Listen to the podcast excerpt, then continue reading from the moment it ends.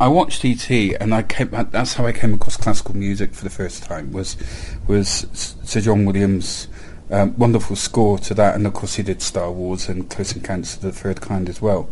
And it kind of involved me to the extent that I actually picked up one of my mum's knitting needles and pretended to conduct the orchestra. And I didn't have any sense of timing, but that wasn't important. I felt involved in the music, and as I explored classical music, listened to Dvorak and Tchaikovsky, I, I then started to listen to some opera. My first encounter with opera was Jose Carreras singing Che gelida manina from from Puccini's La Boheme, and that was the point at which opera opera got me involved. And I still remember being on the bus on the way to school and people asking me to turn my violins down because I, you, you, remember those personal stereos with the personal headphones that yeah. weren't really all that personal.